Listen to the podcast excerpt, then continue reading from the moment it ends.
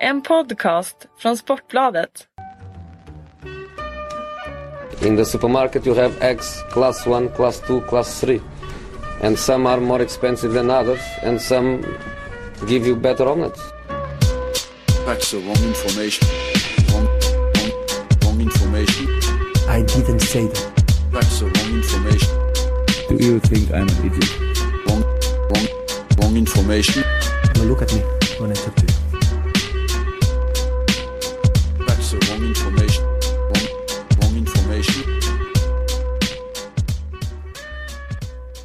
Hej och välkomna ska ni vara kära lyssnare till det sista avsnittet av Sillypodden för den här vintern. Fan vad tragiskt. Tänk vad tiden går. Ja, hemskt är det. För nästa måndag så är det ju Deadline Day. Precis. Parappa, para. Vi borde haft någon, någon musik där. Jag kan lägga in någon musik Ja, kan kanske. du inte göra det? Ja, en liten fanfar. eh, ska vi ta det igen?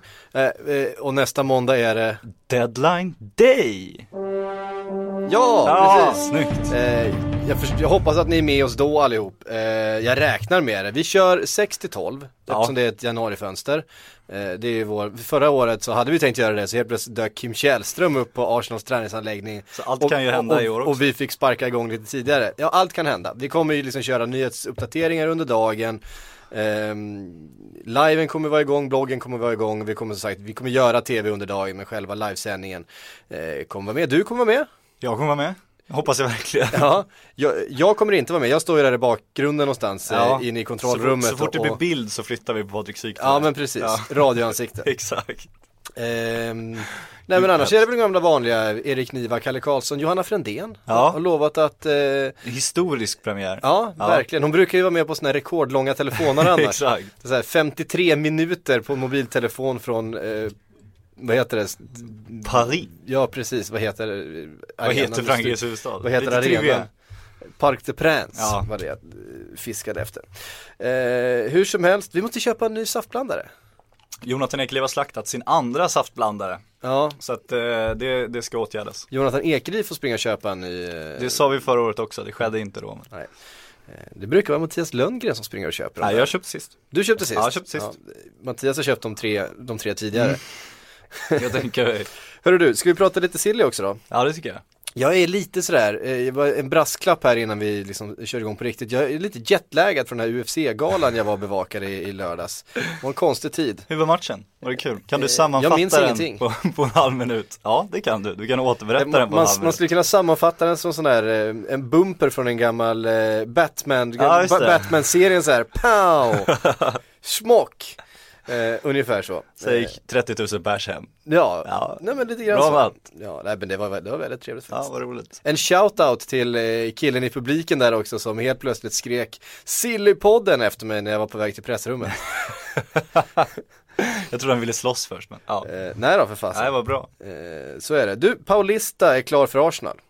Mm. I stort sett i alla fall, och han är inte presenterad sen men men visst är det klart. Han är ju presenterad av Villarreal i alla fall så att det, Ja, du får väl, du hälften väl- dit i alla Det får fall. väl duga. Nu sitter ju jättemånga Arsenal-supportrar och undrar vad är det här för tjomme? Du har läst på Patrik. Jag har försökt plugga lite eh, och eh, ja, men det man kan säga om honom är att han jämför sig med Korselny men det gör ju alla bara för att liksom de försöker hitta någon som liknar honom som fansen redan känner till. Inte om han är jättelik honom. Men en bolltrygg spelare, var eh, högerback förut. Eh, skolades om till, till mittback, eh, framförallt i Villarreal. Även spelat lite vänsterback också, men är ju en mittback. Och om man varit någonting annat än mittback och blir mittback, då brukar man vara vad man kallar för en modern mittback ju. Precis. så, Ja. så inte så här, inget eh, stort fysiskt Per Mertesacker monster utan en, en lite mer placeringssäker, bolltrygg, eh, ganska smart spelare som nog Wenger också ska lära sig ställa ännu bättre på planen. Något för en ganska hög backlinje. Något för ganska hög, ingen Chelsea-backlinje där utan nej, men han borde passa ganska bra och det, eh, grejen är ju också, de fick ju honom om man ska säga januari-mått mätt relativt billigt, han kostar väl 10-11 miljoner pund i någon gru- grundavgift där och det, det är ju inte mer, mer än så betalar inte Arsene Wenger för en back som inte spelar i VM och i landslag och är någon slags nyckelspelare och, och är det en sån back så betalar han ändå inte för då köper han honom inte. Vad är det för ålder? Vad är han 24 va? Han är inte helt ute och cyklar nu. Vilket är ju lastgammalt i, i Arsène Wengers bok. Ja, men, Men, sätter du grabben i backlinjen eh, så är det fortfarande roligt. Det tyder ju ändå på att det är en startspelare som har eh, köpts. Absolut, det är ju ingen Per Mertesacker har ju inte haft sin bästa säsong. Nej, Eh, och det är ingen 17-årig defensiv mittfältare här heller utan det är ju faktiskt en, en färdig fotbollsspelare Mm, så att vi får räkna med att han kliver in där och eh, Wenger brukar ju öga för dem där. Mm. Ska bli intressant att se. Eh, när kan vi förvänta oss eh, spel från Paulista i Arsenal tror du? Ganska omgående tror jag. Alltså det, de har ju värvat, man värvar i januari, då värvar du ju inte för honom på lång sikt utan då värvar du ju för att fylla en lucka. Så att han ska väl in och konkurrera med en gång. Framförallt med den prislappen som ju för Arsène Wenger ändå är ganska hög. Mm, vi får väl se ifall han finns med på bänken eller eh, så till helgen kanske rent utav. Absolut. Man vet aldrig. Ehm, på bänken Ja. fattades, tyckte många, André Schürrle i helgens fa Cup-match när Chelsea fick stryk av, nu står det still, var det Bournemouth? Eh, Alltså var det, det Burnley. Var ju Bradford, Bradford. Eller, eller var det fan Nej, Burnley var det inte. Mourinho visste inte själv vad de hette, han trodde de hette Barnsley va?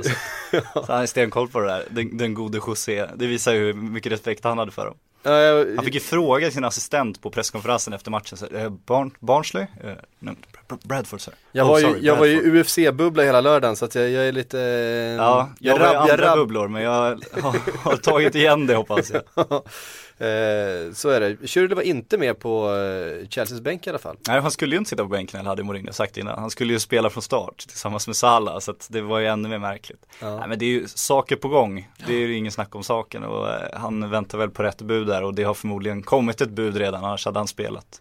Det har pratats om Wolfsburg, det har pratats om eh, Schalke, det har pratats om Dortmund. Eh, alltså hem till Tyskland. Exakt. Eh, det känns ju som en, det är ju en klassspelare, André Ja herregud. Ja men man förstår, man förstår ändå Alltså inget, det- inget fel på de här klubbarna så att de inte kan värva en klassspelare. Jag menar, Wolfsburg kommer spela Champions League nästa säsong med, med med all säkerhet.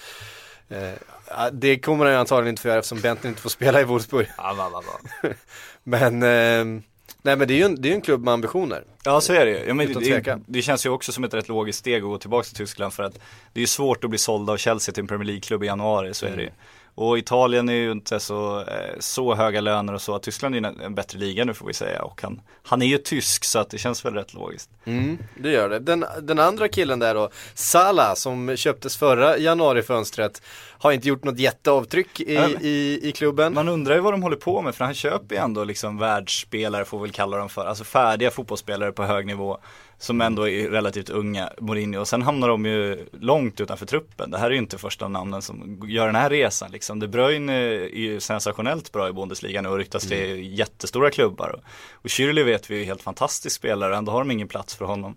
Så man undrar ju varför de ska ha så satan många spelare. Han har ju lånat ut 31 spelare i år också. Alltså, någonstans får man ju lita på sin scoutkunskap och känna att ja, men vi kanske inte behöver alla de här. Vi kan lite mer förtroende för att de ska spela och sen, så slipper vi ha dem här på bänken och sen sälja av dem. Samtidigt så får de ju bra betalt när de säljer dem så ekonomiskt är det inte så dåliga affärer. Men det känns konstigt.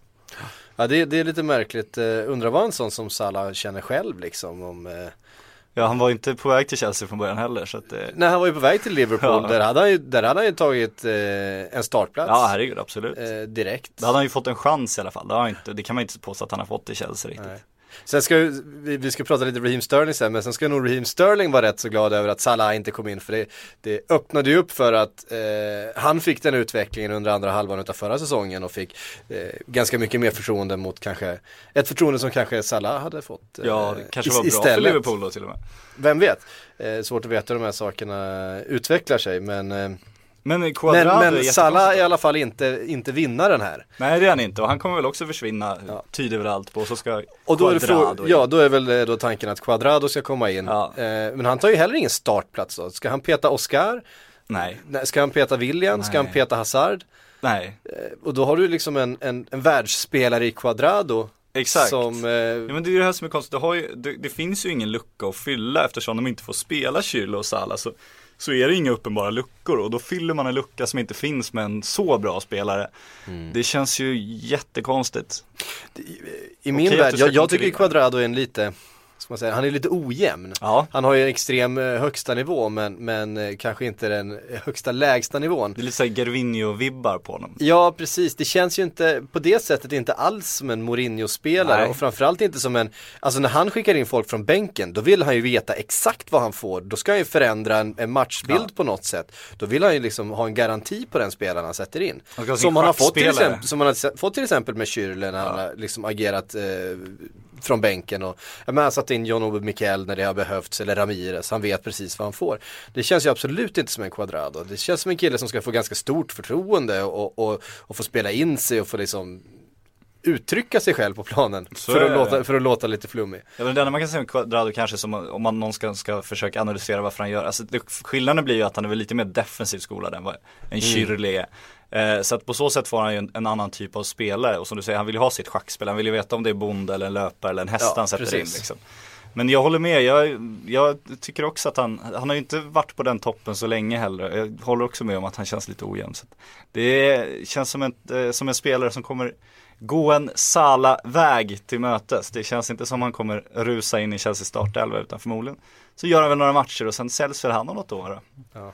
Han har ju själv sagt att han vill lämna nu. Ja. Eh, så att det, det är väl at hand kan vi tänka oss. Ja, och vi brukar prata om de här fotbollspsykerna, att de tror att de är bäst i världen. Han tror att han kommer gå in och plocka bort William direkt liksom. Det är klart han tror det, annars hade han inte kommit så långt som han redan gjort. William som jag skulle säga är en ganska typisk Mourinho-spelare med att han är väldigt jämn i sin nivå. Ja, och folk skäller ofta på William för att de jämför honom med liksom Hazard och Oscar och de är lite mer kreativa, gör lite mer poäng, även fast jag tycker att Hazard kanske borde göra ännu mer poäng än vad han gör. Men, eh, och då får ju William lite skit, men han gör ju andra saker, det är ju han som ligger bakom mycket av att de gör poäng. Han är ju inte den den, eh, så här, de delikata passningarna eller de underbara skotten men han är ju precis som Mourinho, han vet ju precis vad han får varje match. Han är otroligt jämn, precis det han är ute efter. Ja, det, det, Men Schürrle, det kommer bli, det är ju en succé för de som köper honom. Alltså ta Wolfsburg honom också, och De Bruyne Ja. också, också. Då är det, snacka om och ja, då är ju Chelsea deras farmarklubb liksom. Ja precis, ja men det är ju kanonvärvningar. Alltså, alla klubbar i världen borde ju vara, vara att jaga Schürrle. Nu förstår man ju att, att, att, eh, Premier League-klubbarna kommer få betala ett, svårt, ett ja. extremt Ja. överpris för att de vill inte stärka sina konkurrenter. Eh, Men Dortmund borde ju vara där och titta med tanke på Dortmund borde, Royce framtid och så vidare. Atletico Madrid borde vara där och Atletico titta. Madrid kan vara där och titta. Nu är Griezmann helt briljant där. Ja, han måste vi hylla lite också. Eh, ja verkligen. Ju Jävla steg han fått. Ja, ju varit magisk verkligen.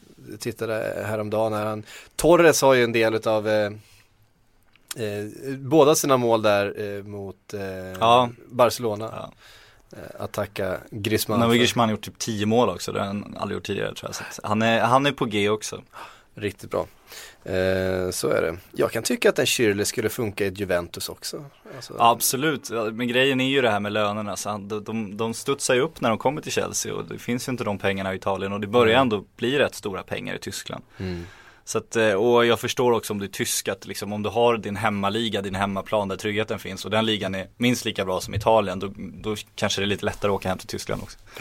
Alltså kanske det är. Ehm, vi, släpper Schürrle, Quadrado, Sala, ytter eh, karusellen. Barnsley, ja, Ytterkarusellen, ja den där vet du, FA-cupen, jävla stökig jävla FA-cup. stökiga FA Cup. Det är ingen som bryr sig. Jag tror hälften av fansen jublar ju när sitt lag åker ut för då vet de, men nu, nu kan vi fokusera på Premier League, nu slipper vi ens bry oss om det där. Ja men det, är ju, men det var ju helt sjukt. Eh, jag, jag satt här på redaktionen och, och förberedde mig inför den här UFC-galan och så var det någon som skrek, fan det är en det var, då satt det någon människa, kanske, om du lyssnar nu får du jä- jättegärna höra av dig för vi vill, vi vill berätta den här historien på ett lite mer utvecklat sätt tror jag. Men det satt ju en person med 12 rätt när, Ah. när Liverpool-Bolton började och han hade eh, etta på Liverpool. Han hade alltså vunnit 12 miljoner Ja. för, det, för det stryket om Liverpool hade vunnit. Eh, Alltså man, vill, man hade velat vara en fluga på väggen där när eh, straffsituationen, straffsituationen och den där frilägesutvisningssituationen och när, eh, när Borini nickar precis utanför och sådär liksom att, för det var ju väldigt nära, alltså herregud han, han vann ju några hundratusen i alla fall på sina 12 rätt. 400 000 tror jag. Ehm, Råkar veta. ja, Men det är inte i närheten av 12 miljoner kan man säga. men det är helt Nej, fantastiskt. fan. Jag räknar nog hem det där innan Liverpool också känns det som. Ja det tror jag också. Mm. Menar, det, är ju en, det är ju en ganska klar etta. Det är en ganska klar etta. Jag tror hans eh, Thailandsresa var, var i, i beställningsfasen så att säga. Mm. Eh, så är det. Men det var inte det vi skulle prata om. Nej. Eh, jag tänkte vi skulle prata Zlatan. Oj, ja, Eh, det går ju sådär för PSG. Eh, det kan man säga. Och det går sådär för Zlatan. Det kan man också det är inte, säga. det är inte bara muntra miner i, i, hos Blancs mannar. Nej. Eh, och det är väl inte, och Zlatan är väl inte den muntraste av dem heller. Frågan är vad, vad som är på gång där. Eh, kan det bli så att det är den gode Ibra som får stryka på foten här när det ska börja byggas nytt? Ja, vi har ju flaggat lite för det att eh, om jag hade fått gå in som, som den här sportchefen som inte finns i PSG, då hade nog, om man ska bygga om det här laget igen som uppenbarligen krävs, för nu är det ju fullständigt uppror. Det lättaste att göra till sommaren är nog faktiskt att göra sig av med Blanc, skaffa en ny tränare, skicka eh, Zlatan definitivt, upp, öppna upp för det löneutrymmet. Fundera på att skicka i alla fall Lavetzi också om man kan få Cavani att stanna ändå. För jag tycker att Cavani är någonting de borde hålla hårt i. Och sen använda de pengarna på ett lite smartare sätt den här gången. Inte bara värva stora namn, stora stjärnor och ge dem så här fantasilöner. Utan om de splittrar de pengarna på lite fler. För om man kollar omsättningsmässigt så är ju PSG numera en av världens absolut största klubbar. Ja, de var på femte eller sjätte plats tror jag. Precis när Deloitte-ligan eller Ja. Deloitte, 17 uttalare. Deloitte. Deloitte, ja. Men det visar ju att de kan ju konkurrera ekonomiskt med världens största klubbar nu. Och då om de inte, om de hade liksom spritt de pengarna på en lite större och bredare trupp istället för att ha de här, för Lavetzi är ju ganska överbetald, Cavani är sensationellt överbetald, Zlatan är ju ännu mer överbetald. Det är ju helt galna summor som de var tvungna att lägga för att få dem till en klubb som inte var en stor klubb då. Nu är det en stor klubb, nu kan de locka andra spelare, nu kan de vara smarta och försöka få över en Schürrle, nu kan de vara smarta och ta en De Bruyne, kanske försöka konkurrera med Marco Reus. Det går ju faktiskt om de hade haft det löneutrymmet att öppna upp det. Just nu är de ju totalt låsta mot FFP. Ja men så är det. Eh, mycket på grund av Zlatans hiskeliga Mycket, lön. mycket, mycket. För om man kollar innan skatt också är den ju ännu högre. Ja den är helt vansinnig. Då är det ju ingen i världen som är i närheten utav, eh, utav hans lön. Nej. Alltså den lönekostnaden är Exakt. ju ingen annan som Och det är den de får slut. Så att eh, jag tycker inte att han motsvarar, alltså ekonomiskt marknadsvärde så om man tittar på hur mycket han har gjort för klubben så har han varit sensationellt viktig att bygga varumärket. Men numera är han inte lika viktig på planen längre och då får de ändå bestämma sig. Och eh, han är ju inte PSGs framtid, tyvärr. Nej, eh, frågan är ifall Gaetan är det. Ja, Ryktas nu till, eh, till PSG. det är någon som vill flytta på Ist- Gaetan, det istället tycker jag är fullständigt uppenbart. Petar han Lavetzi? Eh, ja, vem som helst petar väl Lavetzi just nu. Jag tycker att Lavetzi underpresterar ett grovt i PSG faktiskt. Han springer och springer och springer men han kommer fan aldrig fram. Nej.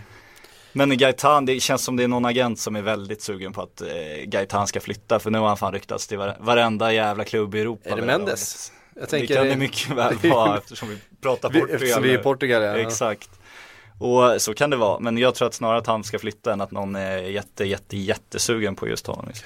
Alltså om vi pratar Mendes och PSG eh, så måste vi prata Raiola. Ja, Därför att eh, det känns som det, det är liksom en tupp emellan där. Eh, det var ju Raiola som byggde PSG och han och Precis. Mendes är ju inte de bästa vänner direkt. Nej, eh, men vi måste säga någonting om, om Raiolas eh, Fifa eh, presidents eh, Ja. ambitioner.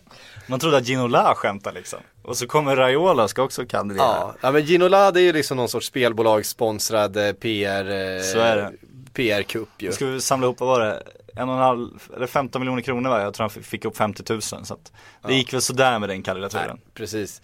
Men eh, Raiola som då tycker att det är alldeles för mycket girighet inom, inom fotbollen. Att de inte tar hänsyn till de mänskliga värdena, supportervärdena. Eh, jag, vet, jag, alltså, jag vet inte, det känns ju lite sådär när det kommer ifrån. En spelaragent som En- satt på Barcelonas lönelista i typ tre år efter att Zlatan lämnat klubben. Och Ja, som öppet precis, bara eh, alltså- stod och pissade på den klubben så att de var tvungna att skälla ut honom på sin officiella hemsida. Ja, nej, en spelaragent ska inte vara Fifa-president. Det känns rätt självklart. Ja, Jag tycker det. snarare att vi ska avskaffa spelaragenterna så att de ska nog inte få mer makt. De har ganska mycket makt som det är just nu, de har fått mer makt de senaste åren. De har sensationellt mycket, alltså, om man kollar scoutingorganisationerna i klubbarna så är Mm. de mer eller mindre nedmonterade. Det handlar istället om att ta emot tips, få eh, höra sig för och sen skicka ut sina scouter och liksom göra den här slutkollen. Men det finns ju ingen längre som sitter på liksom en match i Sydamerika och, och letar i någon andra liga där och letar några talanger. Utan det gör ju, det gör ju agenter numera. Mm. Och det är ju en eh, fruktansvärt tråkig utveckling för agenterna vill ju inte klubbarnas bästa, de vill oftast inte spelarnas bästa heller utan de vill tjäna pengar. Ja. Som det finns en svensk agentfirma utan att jag ska hänga utan för tydligt men som nu alltså skryter på Twitter över hur många affärer de har gjort klart under fjolåret liksom. Och då undrar man, alltså, vad är viktigast för en agentfirma? Är det, det är alltså att skeppa iväg så många spelare som möjligt. Är inte det viktigaste liksom att hitta en rätt klubb? Och då är det här en agentfirma som liksom skickar svenska talanger i 24-årsåldern till, till Kina till exempel. Precis. Men alla som har gått Och det är en affär att skryta över, det kan jag inte tycka att det är. Är det bästa, är det det man ska göra? Ja, ah, vi lyckades fixa en kinesisk klubb till honom. Ja, ah, fan, kanon, bra jobbat liksom. Ja men alla som har gått en säljutbildning eh, vet ju att det handlar om att göra avslut. Det är det Ja, enda som spelar exakt. roll va. Hur många avslut har du? Hur många lyft på telefonen, hur många avslut? Men nu pratar vi fotboll, det handlar fan om att göra mål. Du ska inte bara skjuta, du Nej, det är måste det som är, hitta rätt det- också. Det är det som är, och att att de i så väldigt många fall, vad det känns i alla fall, inte alltid står på spelarens sida heller utan eh, Men det krävs ju att det är en stark spelare, det krävs att det är en Rasmus Elm-spelare som Mm. liksom kan säga, men nu har jag nu bröts kontraktet med CSKA Moskva. Han skulle lätt kunna hamna i en, en klubb där han tjänar mycket pengar som helst som liksom kan chansa med honom. Han skulle lätt kunna dra till Östland, han skulle kunna göra nästan vad han ville. Men han, han liksom prioriterar sitt, sitt liv och sin karriär för och känner att Kalmar det är bra, det är en omstart. Hade agenten fått bestämma hade han ju inte skickat honom till Kalmar. då har han skickat honom till Al-Ali. Al-Ali eller Xinjiang eller något sånt där. Mm, precis. Eh, Mumbai kanske. Mumbai. Nu skäller vi på en specifik agent där ganska tydligt men det, det gäller ganska många agenter här. Han är, han är väl en av de bättre agenterna trots allt. Så, Ja, det där agenten har du bättre koll på än vad jag har. så är det, för det är Jönsson har allra bäst koll på det här. Ja, ja det har han. Jag försöker distansera mig från agenterna. Ja. Ehm, Memphis Depay är, är inte ett fotbollslag i Indien utan en holländsk, utan en holländsk eh, vindsnabb ytter. Ja, Eh, ryktas till eh, Manchester United och Tottenham. Ja. Framförallt till Tottenham. ja. Och det känns väl som en Tottenham. Det är lite Christian Eriksen. Eh, fan, han är 20 bast. Han har är gjort 20 år gammal bara. över 100 matcher i Eredivisie. Han har gjort 13 landskamper. Det är liksom en, så här, en sån här supertalang. En riktig klassisk holländsk ytter. Supertalang. Och då, då ska man fan till Tottenham tycker jag också. Det känns eh, som ett väldigt, väldigt bra steg. Och det här är en sån spelare som är så pass lovande så att han ska inte Ska ju inte till en för stor klubb egentligen och hamna på någon, någon bänk och han ska ju inte till United för det är liksom, vad ska han ha för position där undrar man ju. Så att eh, Tottenham känns väl som, de är, behöver verkligen förstärka och han, eh, det är dags att han går vidare nu. Tottenham som har ett ganska spännande lagbygge på gång här. Mycket ungt som har tagit plats. Eh, givetvis Harry Kane, Ryan Mason eh, och så vidare. Men jag menar, Christian Eriksen är bara, vadå, 22 år gammal. Ja. Eh, och han är ju, han är ju redan liksom nyckelspelaren i det laget och har gjort det väldigt bra den här säsongen. Exakt, och han kan väl vara en liten livscoach till Depay också för han behöver tydligen en sån. Han fick en livscoach av PSV när han var 15 bast, det tycker jag är roligt. Okej. För att han var så strulig Åh, jag skulle liksom. ha en livscoach En alltså. livscoach, ja. Man var så strulig så han behövde alltså en egen privat coach som fick ta hand om honom. Visar också hur lovande han var då. Nu har han ju också tatuerat in, nu har jag kollat upp vad han tatuerat in. Han har ju tatuerat Mm. in insidan av sin underläpp har han alltså ta- tatuerat in successful, fast på holländska, successful. Framgångsrik. Ja. Så han, eh, han vet vart han ska i alla fall. Den Stökig fram- profil. Framgång och läpptatueringar är ju annars något som eh, man kanske inte förknippar. så, så brukar det vara. Men, men man gillar de här profilerna. Klassiska så strulbarn som är så bra på fotboll så att de ändå liksom lyckas slå sig fram i livet och sen får jävla problem när de lägger av. Men det skiter fotbollsklubbarna i. Så att Ja, ja. ja vi får njuta av dem så länge det varar. Du, på tal om det, ska vi säga någonting mer om Rebel Morrison till eh, Lazio? Vi var inne på det förra veckan. Eh, på tal om strulbarn, han är ju inget strulbarn, han är ju en fullständig jävla idiot. Ja, han är ju kriminell i stort sett. Ja. att det, Ehm, och om det är någon som är liksom polare med Rebel Morrison som lyssnar på det här där ute så, så kom ett bra argument varför han inte är en idiot. Exakt. liksom. vi kan Eh, få översätta det här till honom så kan vi ta diskussionen. Ja, ehm, ja nu släpptes han ju så att det är liksom Ja, Ja, och men, han, eh, det var väl ingen skräll heller. Det visar ju hur, hur exakt hur trötta West Ham är på honom. Mm. Så att han, eh, han eh, ska nog göra, ja det blir intressant att se hur han, alltså ensam i Rom, jag är lite orolig för den grabben igen alltså. Jag vet fan om det, det är den tryggheten han behöver nu. Ja, vi får ju se. Det är ju som sagt en, en eh, talangfull fotbollsspelare. Man kan ju Verkligen. hoppas att, att ett miljöombyte kan få honom på lite bättre, på lite bättre humör. Ja och man vill ju, även fast han har gjort helt oförlåtliga saker så vill man ju att det ska gå bra för honom. För det hade ju betytt också förmodligen att, eller förhoppningsvis att han lämnar den här kriminella banan som han ändå slagits in på. Det hade ju fan gynnat alla. Kanske sluta misshandla folk i sin närhet. Exakt, det vore ju trevligt Ja, faktiskt. eh, absolut. Hör du, eh, jag läste ett rykte eh, ganska nyligen, jag älskar såna här. Ja. Alltså en spelare gör en bra match mot ett storlag, dagen efter så skriver Daily Mail att det är givetvis så att Liverpool ska ha Bogdan. Såklart. Som är då, han är ju egentligen andra målvakt i Bolton tror jag. Ja men, Men det är sånt klart här, att de sånt här ska gör mig så trött liksom. Nej, men jag tycker det är jätteroligt för det ligger ju förstås ingenting i det. Det är ju bara, det är, det är, ja, men det är ju bara en trött reporter på kvällen som tycker att det här, det Han var rimligt. duktig. Ja, det är snarare så att det är reportern som råkat upptäcka en spelare än att det är Liverpool som råkat upptäcka en spelare. För spelar han i, i, de, i de engelska högsta ligorna så har de ju koll på dem. Ja, om, inte, om inte annat via eh, agenter och annat. Ja.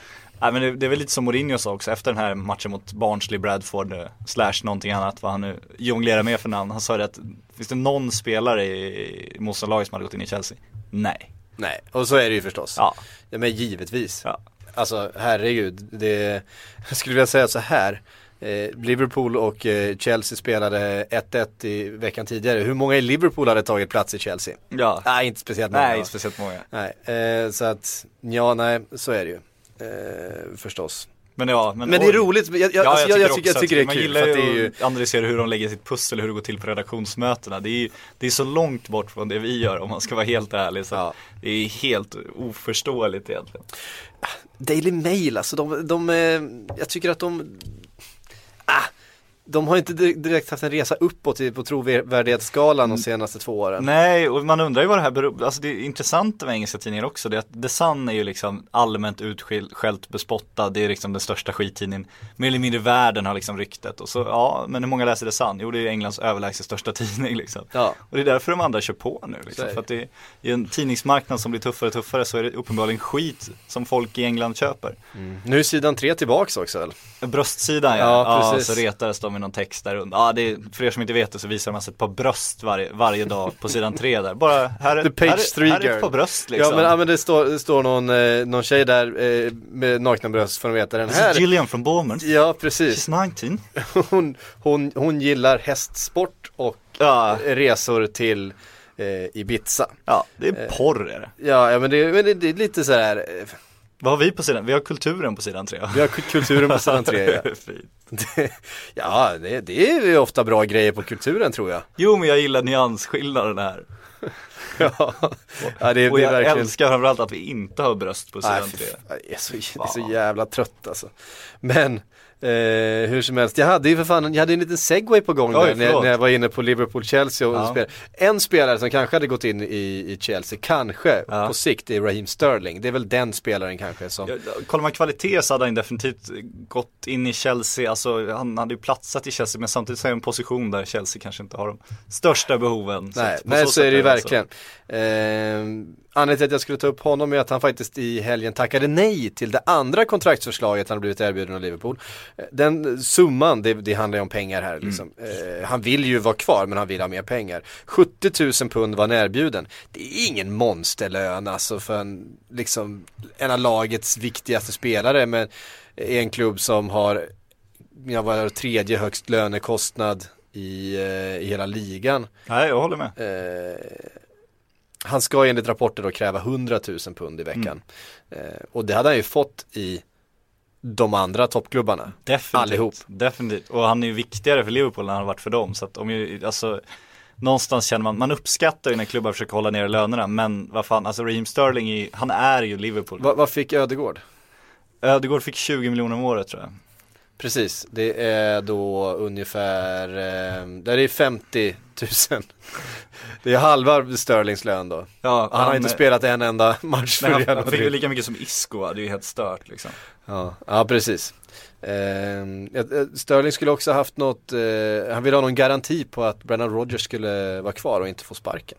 Ja men det var fint. Eh, Så det, det tyder ju ändå på att, att han trivs. Ja, men, men, sätt. men vad fan Liverpool, alltså de tappar Gerard, de har sålt Suarez Mm. eh, och nu ska de liksom någonstans, de måste ju bygga om sin, sin image i alla fall för att få en ny, liksom, en ny symbol. Och då är ju Raheem Sterling helt jävla uppenbar. Det är ju solklart att det ska vara han. Alltså Jordan Henderson är all ära och han kan vara kapten och så vidare, men han kommer inte vara stjärnan liksom. Det är ju så uppenbart att Raheem Sterling är den enda som besitter liksom de här spetskvaliteterna som gör att han kan bli helt ovärderlig för den klubben. Så Mm. Det där måste de gå med på, det kommer de gå med på. För att de vet ju också att eh, bara de förlänger det här kontraktet, då skulle de då skulle det bli dyrt på sikt så kan de nog casha in rätt bra på att sälja honom. Så att det är värt i alla, i alla avseenden att faktiskt möta hans lönekrav. Så är det. Eh, Chelsea och Real, eh, Real Madrid följer utvecklingen. Ja, som det brukar heta. Jag tror Manchester United följer utvecklingen, jag tror Manchester City följer utvecklingen. För har en engelsman som kommer liksom förmodligen dominera i Premier League i framtiden så kommer alla hugga om han blir tillgänglig så är det. Ja. Men det är väl lite Wayne Rooney stuk. Där insåg ju United att det är viktigare att ha en glad Wayne Rooney trots att han försöker bråka sig bort kvar än att liksom så gå med på det. Och, så att de mutar ju kvar Wayne Rooney några omgångar och han har ju blivit en symbol för Manchester United och jag tror Liverpool inser att de måste göra samma sak med Raheem Sterling. Mm. Vad skulle du sätta för värde på Sterling? Så här idag. Nyss fyllda 20. Ja, men alltså om man, Gjort, gjort egentligen en bra säsong. ja men om du jagar upp att han är engelsman och att han just nu liksom är symbolen för engelsk fotbolls framtid så skulle de lätt kunna få 400 miljoner från honom tror jag. Om han blir tillgänglig. Det är jag övertygad om. Det skulle nog kunna gå för ännu mer. För han skulle ju bli en Galactico-värvning för vilken klubb som helst. Du skulle kunna presentera honom så det. Och det marknadsvärdet gör ju att han, han blir mycket, mycket mer värd än vad hans spelkvalitet kanske mot, motsvarar och motiverar. Så vad är det? Är du lockad? Va? Är du lockad? Lockad att sälja? Ja. Nej. Nej. Nej, nej, nej, nej. Ge killen vad han vill ha. Det är bara, det är bara genom en blank check, buga och, back, buga och backa ut genom, från, från kontoret. Det är liksom, herregud, grabben ska vara kvar, skriv. Gärna, gärna åtta års kontrakt, det gör mig ingenting. Bara köra.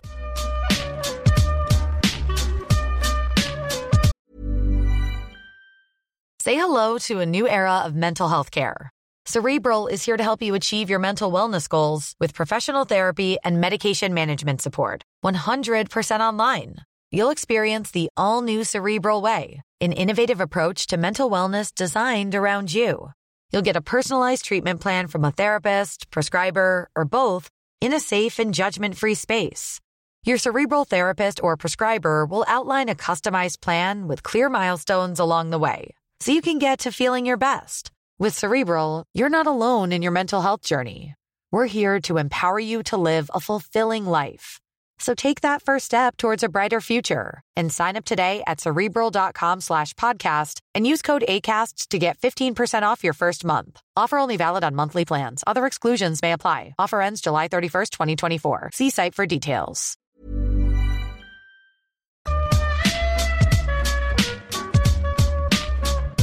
Från en eh, offensiv kraft till en annan då. Eh, Luis Adriano. Killen som då leder Champions Leagues skytteliga den här säsongen före både Messi och Ronaldo. Eh, Shakhtars eh, brasilianska guldklimp ska vara på gång till Roma. De ska i alla fall ha lagt ett officiellt bud eh, idag. Ja, och man undrar ju, det är intressant det här, alltså, det går ju vanligtvis inte att få, få loss de här brassarna från öststatsklubbarna för att de har väldigt höga löner och de, de behöver inga pengar där borta. Men Shakhtar, man undrar ju, man skulle vilja ha lite mer insyn i den klubben. För de kan fortfarande inte vara i sitt eget hemområde för där är det ju fullskaligt krig. De har ju sprängt sönder den flygplatsen så att om du kollar på De bilder på de den. har, de har sprängt sönder den arenan också. Det har de också gjort, men flygplatsen är ju pulveriserad för det blev ju något strategiskt område. Den har de ju tappat kontroll över nu. De ukrainska trupperna. Och Putin är absolut inte inblandad, absolut inte. Men det är ju krig i schack där och de får inte spela Po- där. Du måste bara säga Putin då som satt bredvid Sepp Blatter på VM-final. Exakt. Som ska då ha hostat VM. Ja, Exakt. ja precis. Det, det, det är bara så att vi, det är samma Putin vi pratar Ja, om. det, det, Jag vill bara liksom, eh, Exakt. Han som ligger med Fifa. Men, ja, men eh, så att de kan inte spela i sin hemstad. Så man undrar ju liksom vad klubbens framtid och den ser ut, hur de ser på den. Hur intressant är det att driva en fotbollsklubb i en klubb, i en stad som är i krig liksom. Alltså det kan ju inte, det är ju inte din första prioritet någonstans, det förstår man ju. Och man förstår ju också om spelarna om det, det kanske det finns ju, alltså någonstans så känner man att det, om man skulle kunna pausa en fotbollsklubb så skulle man gärna vilja göra det. Det går ju tyvärr inte. Men det gör ju att det blir, det går förmodligen att köpa spelare därifrån, tragiskt nog. Och det blir väldigt cyniskt det här men då förstår man ju att folk kommer försöka för att det finns väldigt bra spelare i Shakhtar. Men Luis Adriano var ju bra innan, re- redan innan den här CL-hösten också så att Ja, det, det förstår man att folk en- vill hugga där. kanonspelare. Eh, så är det ju. Eh, Chelsea ska också vara sugna.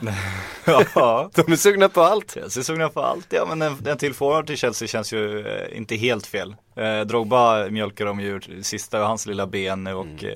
Loic Remy har de ju knappt, han är ju deras Anders Schürrle kan man säga anfallsuppsättningen. Han, Ja. han tänker de ju inte använda uppenbarligen. Så det kanske är bra att få in en, en till riktigt, riktigt bra anfallare så Mm. kan ha två gå runt på istället. Ja, för det vet man ju, man går ju bara och väntar på att Diego Costa ska slå upp någon av de där muskelskadorna Ja, att haft. spöar där så går man och väntar på att Olivier Giroud också ska gå sönder och så ska vi se vem Arsène Wenger kastar in som anfallare då. Det ser jag fram emot ännu mer nu när han gjort sig av med tre anfallare under januari. Mm. Vi har fått lite frågor kring det, tänka sig. Ja, fantastiskt. Eh, vi kommer säkert eh, komma till det då. För nu tänkte jag att vi skulle svara på lite frågor. Vi har fått jättemycket frågor som alltid. Vi börjar med Mattias Holmén eh, som skriver så här. Är det lättare att sälja sand i öknen än att få en klubb att ta över Adebayors kontrakt? Ja, korrekt. Ja, det tycker jag är en, en, en eh, bra analys. Ja, men ta över kontraktet kommer ingen göra, däremot kanske någon kan satsa på honom kan och förbarma sig över honom. förbarma sig över honom och ge honom kanske lite lägre lön. Nej men det, det skriker Det ju låter ju Kina, Kina, Bahrain och sånt. Mellanöstern. Exakt. Det, Han är inte en MLS-kille heller. Han, är, Nej, han, han, har inte nej. till, han har inte liksom, nej det känns inte som en Nej och, jag, och det känns inte som att Adebayor åker till Ryssland heller liksom. Så att, eh, Nej, Det nog typ till Turkiet möjligtvis. ja det är sant, det är fan inte dumt. Nej. Den, är, den uppskattar jag. Ja, vi sätter honom där.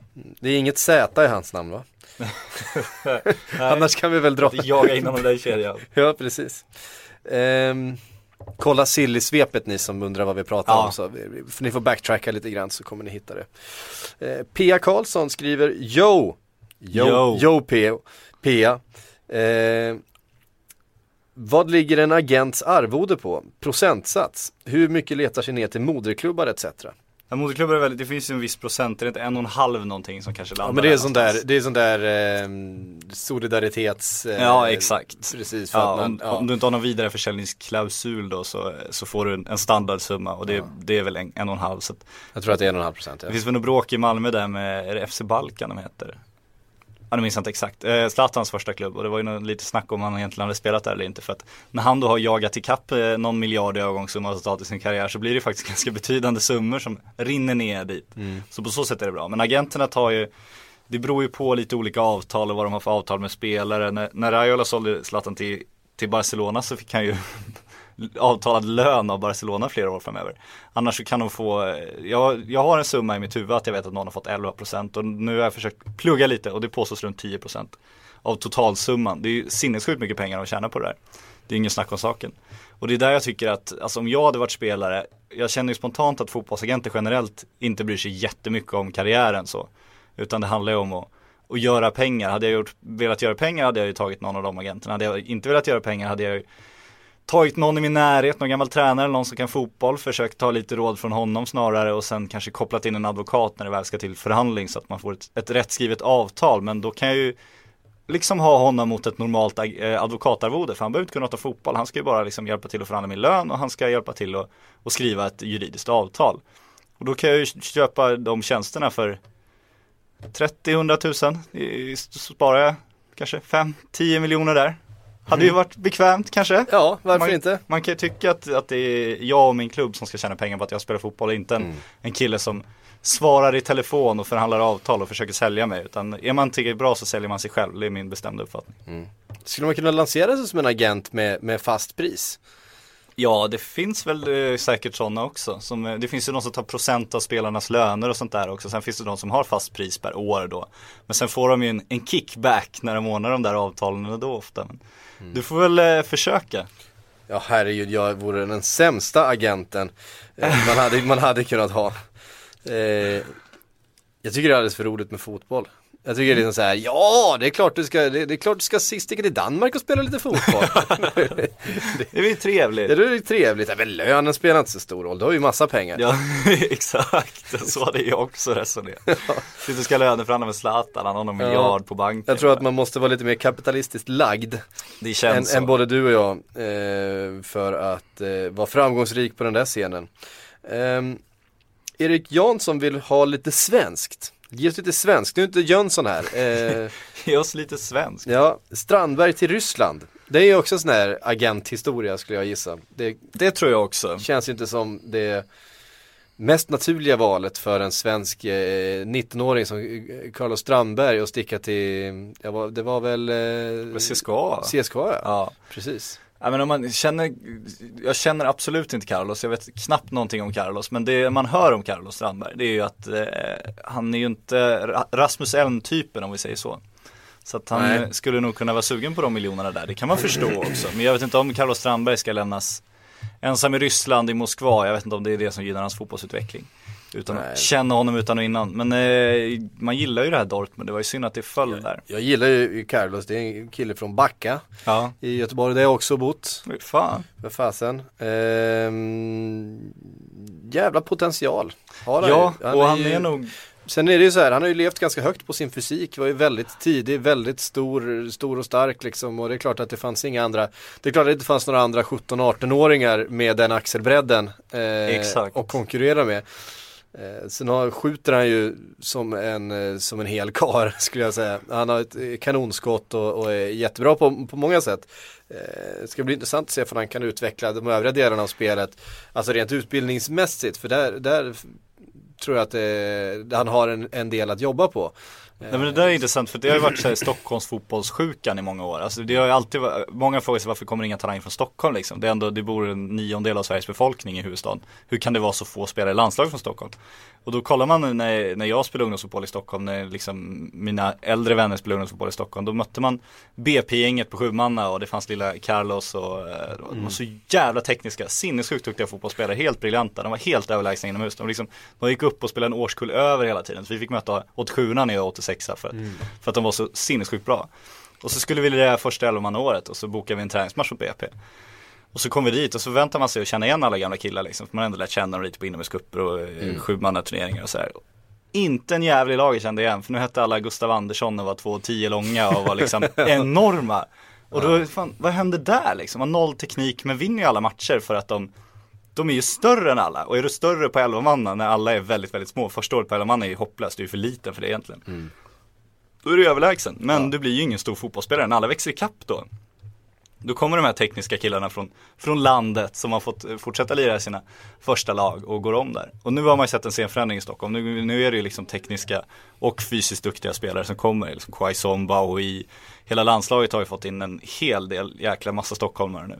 Så det har ju verkligen varit en scenförändring. Och det är det man undrar med Carlos Strandberg också, om man ska återkomma till det. Att är det bara fysiken eller hur mycket mer finns det när han väl får spela mot spelare som kommer vara större och starkare än honom till och med? Alltså jag skulle säga att det finns både, finns både teknik och, och sådana här saker i, i, i Carlos också. Men man undrar ju hur mycket mer hade han behövt liksom Ja, ja, utbildas men i, precis. i, i spelförståelse, i de taktiska elementen om han liksom ska kunna fun- fungera på den där högsta nivån liksom ute i Europa. För det krävs en hel, Ja. det krävs att när du sitter på en taktikgenomgång att du fattar första gången och att du liksom är med på precis allting och, och, och dina uppgifter. Eh, jag menar Balotelli har klarat sig rätt, rätt bra hittills men nu börjar det bli uppenbart för alla andra att eh, ja, men fysiska förutsättningar inte är eh, allt. Precis. Ehm, Men vi hoppas det går bra för Carlos. ja det gör vi verkligen. Och lyckas han i Ryssland så är ju- CSKA gillar ju- en briljant klubb, så är det ju. Det är ingen skitklubb vi snackar om. Nej, det är en av fan. Europas mest liksom anrika och, Ja, och är en- faktiskt framgångsrika klubb. Eh, Stor klubb. Eh, jag var- hade läst faktiskt inte färdigt Erik Janssons eh, fråga, för han hade en eh, delfråga också. Vad håller Mats Gren på med i IFK? Förändrar ju hela, ja, det är ingen som riktigt vet vad Mats, Gren håller på med tror jag. Nej, nu borde Fredrik Jönsson, han kan redogöra för vad Mats Gren håller på Ja, vi får, Jag tror Mats Gren underskattade svårigheten i att köpa en fotbollsspelare idag. Om man ska uttrycka sig så. mm. Det har Nej, men- tagit lite längre tid än han trodde, har han väl sagt till och med. Och eh, det är kom- komplicerat. De hade lite ont att spela det där liksom när försäsongen skulle dra igång. Ja, det var nästan en sån här 15-plan, den här klassiska försäsongsbilden. ja, precis. Det är, man lättare, ut det är lättare att sälja en spelare än att köpa en. Det kan man lugnt säga att det Ja. Eh, så är det verkligen. Eh, Kristoffer Börjesson, eh, när vi gör så här. Vi tar Johan Karlssons fråga. Han har skrivit så här. Dragovic eh, ryktas till Manchester United. Är det svaret på försvarsfrågan? Och det är ett rykte som har eh, faktiskt picked up some pace idag. Eh, Det är ganska många som har skrivit om den här Dragovic som då eh, kommer ifrån Dynamo Kiev. Eh, Österrikare, Österrike, Ö- österrikisk landslagsman, landslagsman. tar straffar i landslag ibland, lagkapten där ibland. Ja. Och Eh, eh, inte alls som Gabriel Paulista utan eh, nej jag tror att det är en annan skola, skola mittback. lite stabbigare kan man säga men eh, lite mer fysisk. Men eh, ska man titta framtidspotential så tror jag nog att vår kära Villarreal-vän till Arsenal har, har större chanser. Däremot så är ju inte framtiden det United behöver just nu, de behöver nutid. Nej, och det är väl inte alls omöjligt att det är en, eh, mer en Nemanja Vidic typ om man ska vara eh, lite sån. Ja de behöver ju någon slags försvarschef, det är Ja. uppenbart. De behöver ingen speluppläggare. Så på så sätt kan det vara bra att få in en, en fysisk kille som liksom tar för sig direkt. Så det behöver inte vara helt. Omöjligt att säga hur han, hur han kommer prestera i Manchester United.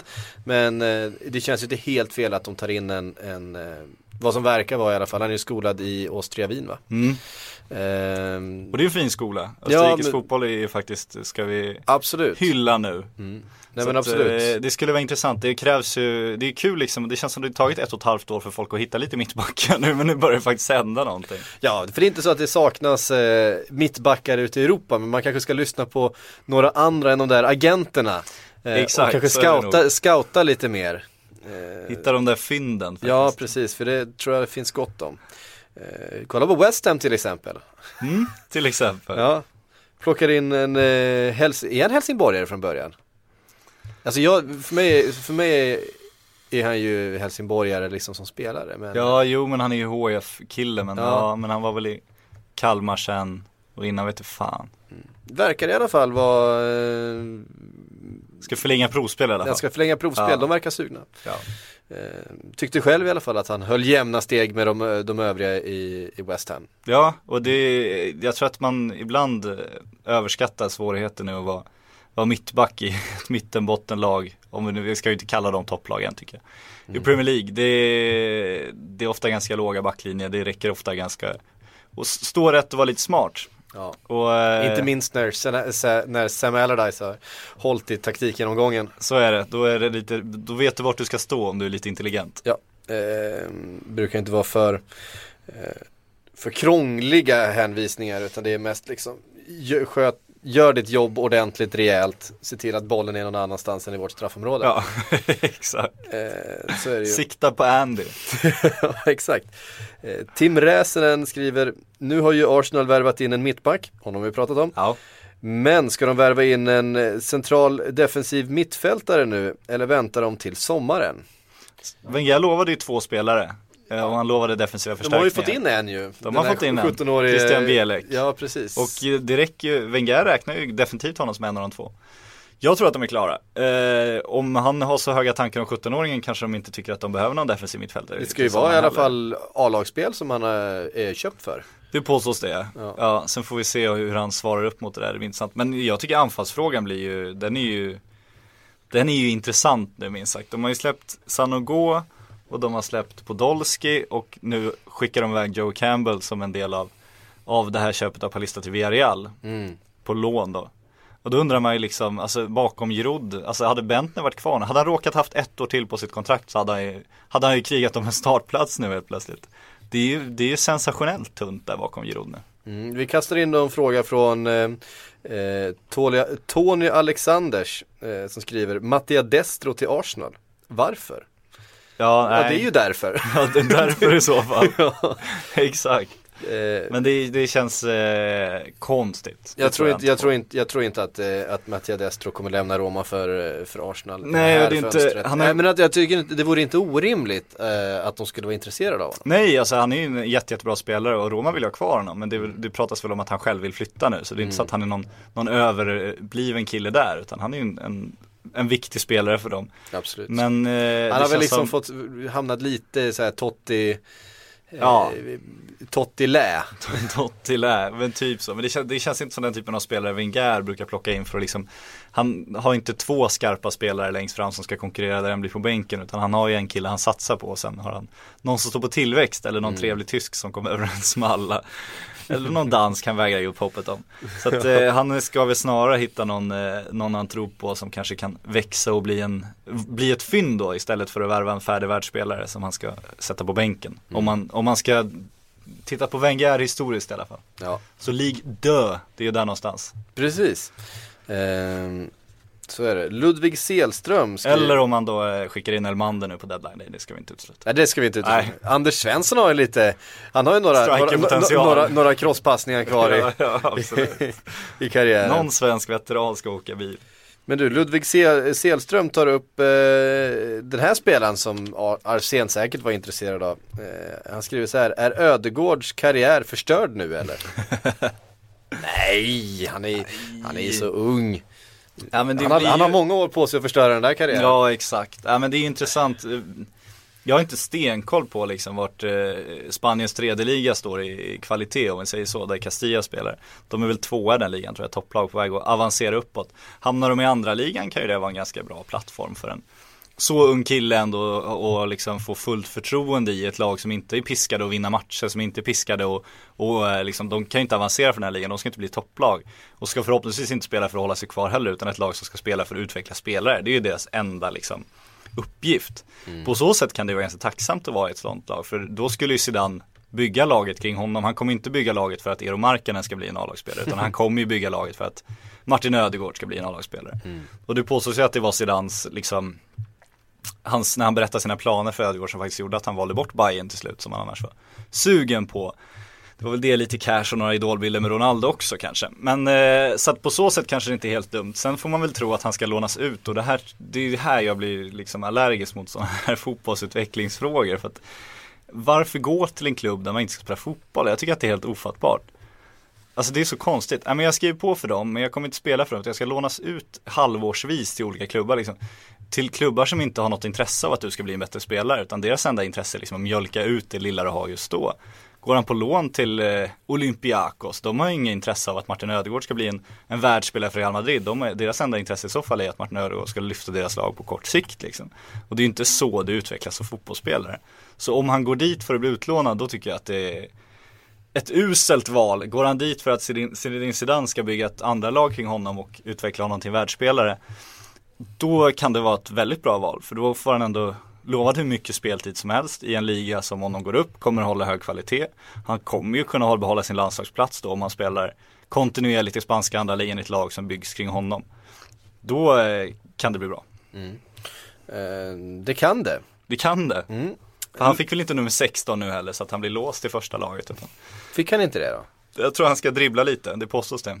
Ja okej. Alltså 16 är ju ledigt i omklädningsrummet, det är väl förmodligen på den platsen han kommer sitta i Reals omklädningsrum. Men jag Ja, hoppas att det precis. står minst 26 på den tror jag. Ja för det är ju så, eh, under 26 så får han inte spela, eh, spela eh, för Castilla utan då måste han spela med, med Reals A-lag om han ska spela överhuvudtaget. Exakt, och man undrar vad den regeln är till för egentligen. Kanske är för att skydda en A-lagsspelare är från att ganska hamna i någon lätt att ge killen ett, ett tröjnummer så att han får Exakt, spela för exakt. det det passar för. Varför, varför ska man det, det, Det är inte nummer ett- 9 han väljer bort liksom. Nej, Nej. eller hur. Ehm, Johannes Johansson skriver om United ska göra en rimlig värvning i detta fönster, vem skulle det i så fall vara? Ja men det är väl den här eh, mittbacksnivån, det är väl där någonstans man får vara. Alltså en, en framtidsspelare som ändå inte är 18 och superlovande och som inte spelar i en av Europas bästa klubbar som ändå kan komma in och, och stärka upp laget omedelbart. Det är väl på den nivån. Jag tror United har svårt att liksom brandskatta PSG på några anfallsspelare nu. Det kommer inte hända med tanke på Champions League och annars. Så att eh, de får leta lite, lite snabba lösningar nu och sen fokusera på sommaren tror jag. Och det är ingen panik längre, de är ju på väg mot CL. Ja, eh, jo så är det. Är det någonting som man, alltså ett hål man, som jag tycker är ganska uppenbart är att man hade velat ha kvalitet bredvid Michael Carrick.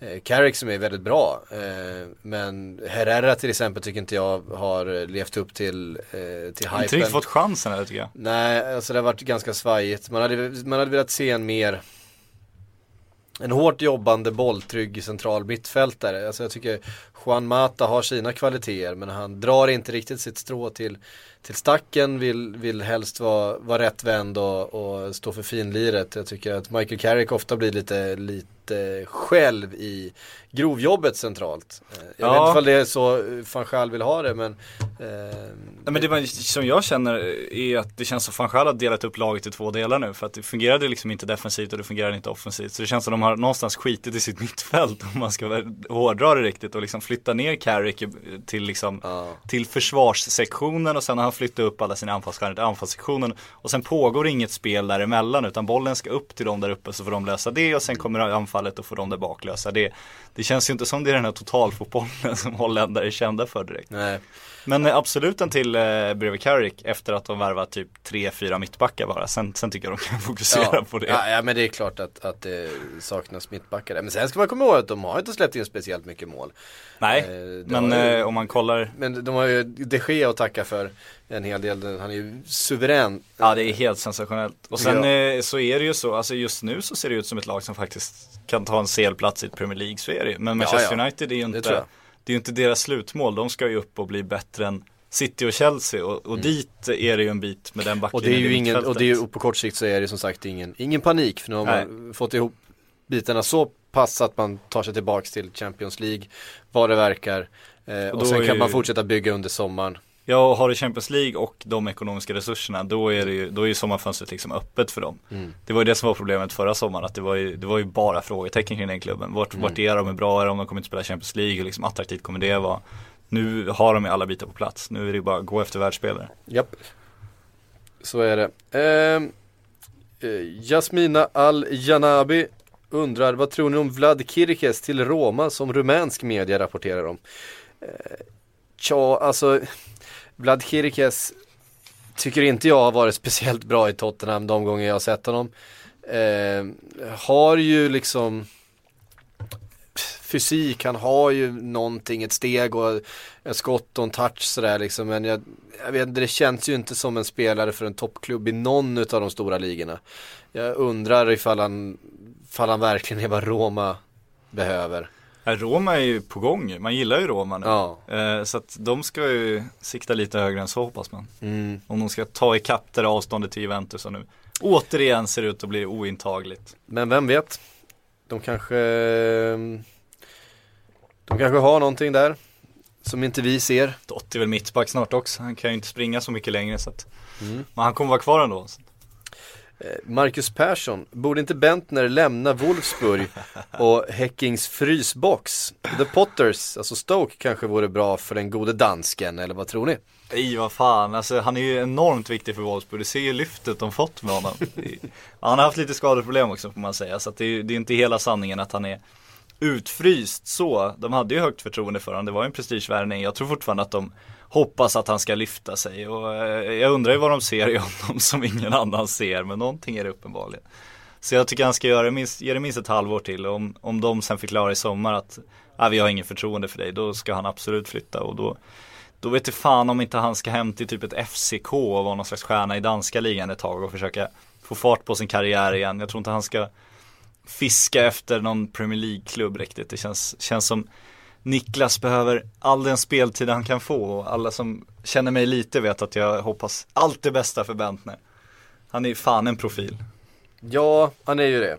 Jag sitter här och, och, och fiskar lite på Twitter, vi fick nämligen en eh, ganska rolig fråga som jag inte hittar nu gällande din beef med Ah. Tancredi Palmieri. Alla har ju, det, det här var ju på kvällen efter vi spelade in förra podden, så vi har inte tagit upp det här. Nej, men eh, Erik det, Nivas lyckligaste dag i januari. Det var det bästa som hade hänt honom på, under silly season någonsin beskrev han det som. Så att, din beef han, han hade väldigt kul åt det. Tancredi, ja, Ja. men det var ju roligt. Det är ju en ehm, Erik kom till och med in på kontoret dagen efter. Jag, jag vet inte om det var enda anledningen men jag ser honom inte här jätteofta så jag anar att det var ett av skälen i alla fall. ja, han, brukar, han jobbar ju på andra tider än vad du gör. han är Exakt här på och lite an, andra orter också ofta Mm. och sådär. Ja men precis, nej det var, ehm, det var ju väldigt underhållande. Han är ju, Ja, han är ju, eh, han är lite känslig. Ja, den den gode, den det. gode Tancredi. Ja. Eh, vi, vi måste försöka få tag på honom på något sätt till, till deadline day. Sen berättade Oskar Månsson en väldigt rolig sak, att han är ju polare med Tancredis bror. Va?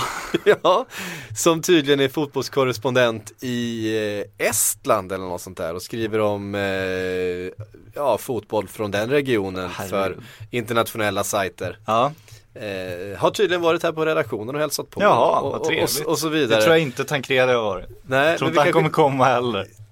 det blir ingen, ingen långfika med, med Nej, och jag, Tancredi. jag tror inte jag ska försonas med Tancredi. Jag tyckte att han var lite Alltså det enda som hände var ju att jag refererade till honom som vår käre Silly Clown Vilket jag ju står för alla dagar i veckan För att han är ju en underhållare av Guds nåde under Silly Season Det är ju Ja. ingen, ingen snack om saken och han, Hans trovärdighet kan han ju inte ens själv påstå är särskilt hög Det är inte så han jobbar, det är inte riktigt hans jobb heller, det får man Nej. väl respektera Ja, ja. utan han ska ju underhålla och komma med, med spännande saker. Mm. Så att, eh, och det gör han jävligt bra. Men eh, då tyckte han att det var under all kritik att jag som kollega kritiserade honom. Och det tycker jag är intressant också. Ska jag försvara honom då bara för att jag råkar ha samma yrke som honom. Det, det kan jag inte riktigt heller göra. Jag jobbar ju någonstans för för liksom alla som läser och lyssnar på oss att de ska förstå liksom, hur trovärdigt är det här riktigt? Vad handlar det här om? Kan vi, ska, vågar vi hoppas på det här? Om det då kommer från Tancredi Palmeri, då är mitt ärliga svar är nej, våga inte hoppas på det här. Nej, det är inte särskilt troligt det här. Nej, det lär inte hända. Så är det ju och det måste man ju kunna presentera.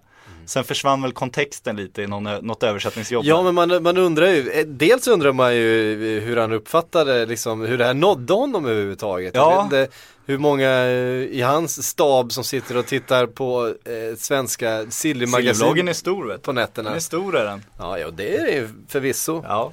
Eh, Sveriges största blogg. Sveriges största blogg. Ja. Nu är stor i Italien också uppenbarligen. Ja. Tancredi läser Silverbloggen, det tycker jag nästan att vi ska skryta med. ja. ja, så är det. Eh, men det var underhållande. Men vi får Jag, se för eh, vi kan, kommer du ihåg förresten den här, eh, den andra så att Twitter eh, människan, han har väl ungefär samma följare, följarantal som eh, Tancredi, Indicalia. Ja, Kommer, vi han hade, har fler tror jag, jag tror han har 200 000, Tancredi har väl runt 100. Ja, precis. Eh, Indicalia som är en ännu större dyngspridare Ja, än herregud. vad Tancredi är. Det, det här det är ju rent buff, bluff och Ja det är båg, bara liksom. skitsnack. Ja, Alltså det, kän- det känns som ett parodikonto oftast. Ja. Man undrar ju liksom eh, hur det går ihop där. Men de, de påstår sig ha egna, egna ingångar i varenda storklubb i hela världen. Och enligt våra källor, nu väntar vi på bekräftelse. Där, om en timme så kommer det dynamit från Manchester United och. Liverpool och eh, Real Madrid Och samtidigt. helt tysta de engelska tidningar. Eh, ja, precis. Eh, vi, vi satt och raljerade, du och jag på Twitter till varann om det här. Helt plötsligt så, så dök han upp i vår konversation och var så här, vad är ni för jävla pajasar liksom. Men han kom in i Tancredi-diskussionen också. Gjorde han det? Ja han gjorde det till slut. Men Ja, han hade ju humor. Ja men jag tror den här killen har ju humor. Alltså Ja. mycket utav, alltså det det känns var ju det som som var att, skillnaden. alltså Indikalia är ju nästan ett parodikonto Ja, ja, ja, liksom. Det Men det var ju ju- någon som skrev det så här, alltså Tancredi är lika mycket skit som Indicali var det någon som skrev in liksom, så han kom in. Och då dyker han upp och så bara, vadå, vad snackar de om? Vi är den mest trovärdiga källan på nätet. Uppenbarligen ironiskt. Men det var väl det som skilde, det var Tancredi hade inte så mycket självdistans där tror jag. Nej.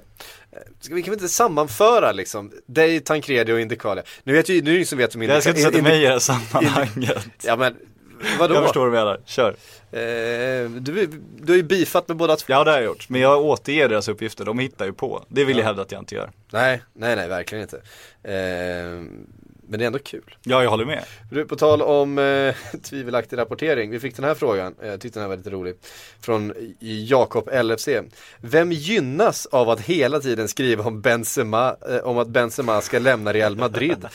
Tidningarna, noll chans att han kommer till Liverpool. Ja. Och det är ju noll chans, det, Ja. förstår, ju, det förstår ju alla.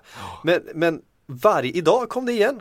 Och, och Mirror och Mail och det var väl Daily Star som hade nu uppgifter. Just det här ryktet. Ja, jag sitter också så- och funderar det- på men det är här. förbryllande. Ja, jag håller med. Det- alltså någonstans, enkelt sagt så är tidningarna gynnas ju av det för att de säljer lösnummer på det här. Men att det är just honom tyder ju på att det ändå är någon som liksom jagar igång det här hela tiden. Det måste ju finnas någon som tidningarna har något sorts förtroende för rent som, som källa. Ja, Eh, som säger att jo men faktum är att. Mm. Och så som då, jag vet inte ifall det är någon sorts agent eller någon polares polare eller alltså någon sorts, med någon sorts trovärdighet som, som informatör. ja ska man äh, agera lite Som uppenbarligen inte borde Ja, ha någon sorts Men ska man agera lite Tancredi här och spekulera vilt så, Mhm. så känns det, vi diskuterade det i förra podden var det, att eh, Real behöver ju en Galactico i sommar och det, Mm. det är fullt överallt. Utom om de, och då måste de flytta på någon och den som känns lätt att flyt, lättast att flytta på rent marknadsmässigt, värdemässigt är ju Benzema i offensiven. För Bale, Ronaldo och Chamez James har ju så pass högt marknadsvärde nu så de tar du inte bort liksom. Eh, och då eh, så, eh, om en Falcao då finns tillgänglig kanske det lockar lite. Och då kanske det är någon, någon agent till Benzema ändå som är lite osäker på situationen i Real som, som vill ha tugget uppe inför sommaren så kanske vi sätter lite press på Real och faktiskt visa att Benzema är deras framtidsspelare och att de verkligen tror på honom. Så att det kanske finns en osäkerhet kring Karim just nu, det skulle jag inte hålla för helt otroligt ändå. Men Nej. att han skulle hamna i Liverpool, det tror jag varken han eller hans agent vill om man ska vara helt ärlig. Nej. Och det tror jag inte Liverpools lönekonto vill heller om de nu ska försöka övertala Sterling och stanna för, för 70 000 i veckan och sen ska de väl ta över Benzema då för 200 000 i 200 000 veckan. i veckan. Det Ja. känns som Raheem inte hade varit helt nöjd med den. Nej, det känns ju lite, eh, eller inte lite, det ver, väl, verkligen, verkligen märkligt om, om Benzema skulle välja gå till Liverpool som med vad det verkar i alla fall, de är inga favoriter eh, åtminstone att kvalificera sig för Champions League till nästa säsong. Nej, om, om Eh, Benzema kommer ut på marknaden så eh, känns det som ett, ett PSG framförallt skulle göra exakt allting som stod i hela deras makt någonsin för att ta över honom. Chelsea, Chelsea, men jag tycker just Men- att han är fransman också att Ja. Mm. det hade varit en, en dundervärvning av PSG. Chelsea absolut, Manchester United om de ska dumpa Falcao. Det finns liksom andra klubbar av större dignitet och med sensationellt mycket större lönekonto än Liverpool som skulle hugga om Benzema verkligen blev till salu. ja så är det. Ehm, vi har lite tid kvar så vi tar en fråga från Ludvig Johansson. Eh, Laporte, eller säger man Laporte? Ja det där, nu, nu får vi Athletic Bilbao. ringa in Emrud igen. Mitt, mittbacken, någon rörelse på honom det bör vara extremt intressant för väldigt många. Det snackades ju om Real Madrid idag. Vi Ja. har det i bloggen. Det- Eh, De behöver mittbackar Från Marca. från Marca. ja. Ma- Marca som då är väldigt, väldigt kritiska och väldigt eh, Exakt. eh, inte alls går Real Madrids ärenden. Nej, nej, nej, nej, de är helt oknutna till den klubben. Ja. Nej, men det är Nej, klart. det är de ju inte förstås. Nej, men det är klart det snackas om honom i Spanien. Det är en spännande spelare. Det är kul att skriva om honom i spansk media. Jag tror att det är ungefär på den nivån det ligger. Jag tror inte han skulle definitivt inte flytta i januari. Eh, och ska han flytta till sommaren så känns det som Real. I så fall får de väl skicka Varan och lite annat folk. Mm. Eh, Men ska det Varann till. Chelsea? Ja, Varan ska ju till Chelsea så att då är det bara ta in Laporte, Laporte. Mm. Jag tror eh, vi kan nog eh, skriva av det där för nu i alla fall. Mm. Men det är i alla fall en, en ung spännande mittback. Ja, jättespännande mittback ju- och eh, är ju i ett Athletic Bilbao som ju är jättelätt övertalade att sälja spelare. ja, verkligen. Så bara det talar ju för att det skulle Fråga Llorente. Fråga Llorente, fråga Herrera, fråga diverse andra killar. Så att Mm. de kommer ju absolut inte vilja släppa honom. Och det kommer nog dröja något år till innan han överhuvudtaget blir flyttbar med tanke på det. Det skulle krävas ett bra överpris för att få bort honom för att det är Atletic också. Mm. Eh, och det talar ju också för att han inte kommer gå nu. Eh, Men Ras- kolla på honom, han är rolig. ja, han är bra. Han är jävligt bra. Rasmus Jonsson eh, skriver, tror ni Lacazette skulle kunna gå in i ett Premier League-lag och fortsätta göra massa mål? Borde han inte kosta typ 40 miljoner pund? Ja, inte än va. Alltså det är svårare än franska ligan tycker jag. Att PSG underpresterar ju något enormt sensationellt mycket. Och det har ju bjudit in Lyon och Marseille och liksom någonstans överprestera lite kanske. Och nu är Lacazette har ju sprutat in mål och är liksom solklar stjärna i det här laget. Det byggs kring honom. Nu skadar han sig, nu får vi se hur, hur illa det är med det. Men det talar för att han, Det är därför det, är en sån här hamstring, det är lite sådär alltså. Mm. då blir man Ska- orolig. Ja men ska den börja nu liksom? Exakt, och när han är i som bästa form, hur bra kommer han vara när han kommer tillbaks? Håller han samma nivå då, då tror jag att han kan bli dyr. Eh, Men det ska bli spännande att se, för risken är ju, det är ju alltid de där, förlorar lite snabbhet och kanske tappar, tappar självförtroendet, du kommer ur det där stimmet. Det finns många som gjort något Afonso Alves-år och sen aldrig gjort mål igen liksom. Men Lacazette är väl en mer skolad spelare än så. Jag tror inte han skulle kosta 40 miljoner pund med tanke på att han spelar ett Lyon som visserligen inte vill sälja och visserligen har byggt en ny arena men som trots allt inte har jättestora ekonomiska resurser. nej precis, de har ju ingen, ingen bottenlös kappsäck att gräva ifrån som vissa andra. Nej, exakt. Så att, eh, men eh, han, han borde vara flyttbar av den anledningen trots att de säger att han absolut inte är det. Och han kommer ju inte kosta någon miljard som eh, Lyon har pratat om att han ska göra. Nej. Alltså när en sportchef går ut och säger att han kostar alldeles för mycket, det går absolut inte att flytta på honom, det brukar indikera på att det är faktiskt, det finns, det finns ett pris på honom och det Exakt. går faktiskt att flytta på honom. finns och det en oro där är är väldigt nervös för att eh, någon kommer kliva in och bara bjuda något som de inte kan tacka nej till. Exakt så. Och det känns väl som det finns klubbar, ett Liverpool kanske som eh, nog definitivt har ett öga ditåt och tittar hur det ser ut. Om han finns tillgänglig för en hyfsad penning så är det en sån spelare de borta kan en månad, Mm. minst. Ja, nu pratar vi säga. inte januari, men vi pratar sommar när Liverpool faktiskt ska förhoppningsvis göra sig av med Mario Balotelli om inte annat. Ja, vad, vi, har inte, vi har inte nämnt Balotelli eh, så här långt i podden. Vad, vad ska det bli av honom egentligen? Men, Rodgers, Rodgers har ju nu egentligen gått ut och sagt att det finns ingen plats för honom. Det funkar inte. Han, han måste förändra sin spelstil och, och, och ja, återuppfinna sig själv om det ska bli något mer spel för Balotelli. Liverpool. Det känns ju uppenbart att det inte funkar.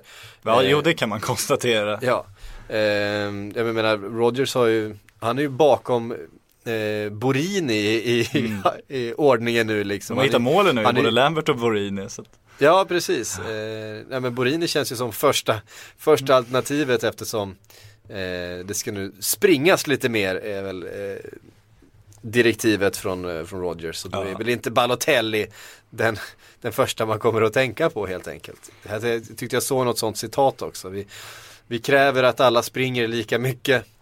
Ja det gör inte Mario. Det, så säger man inte till Mario.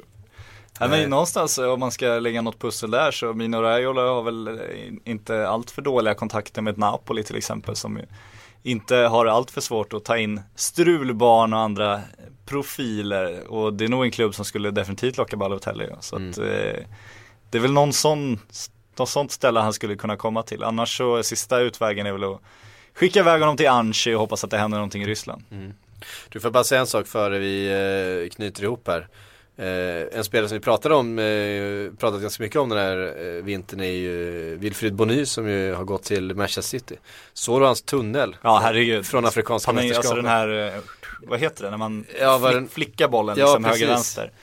Ja, Ja det var jag har glömt bort vad den heter den finten. Men eh, herregud, om ni inte har eh, Jag ska försöka blinga det här avsnittet. Så Ja. ni, som har, ni som har eh, Acast, så kan titta i Acast-appen eller om ni tittar på vår sajt på själva det här fönstret så ska jag dra en länk dit så ni kan hitta den här eh, snuskiga finten från Wilfried Ja. Bony. Han är, mer, han är mer än bara ett fysmonster nu, på tal om det. Det är han, samtidigt så ska man eh, ha respekten eller eh, man ska se Afrikanska mästerskapen för det är. Det är inte, det är inte en superpressande försvar alla Jag hade det, gått på den också. Jo det hade Och jag, jag också inte gjort, men han fick ju lite tid på sig i straffområdet om man säger så. Ja, jo, absolut. Han Men gjorde den ändå. inte i steget riktigt, Men, om vi men, säger så. men ändå. Ja, absolut. Helt Herregud, ta fantastiskt. nu ingenting från nej, Wilfried. nej. Jag- Han är sensationell, Wilfred Body.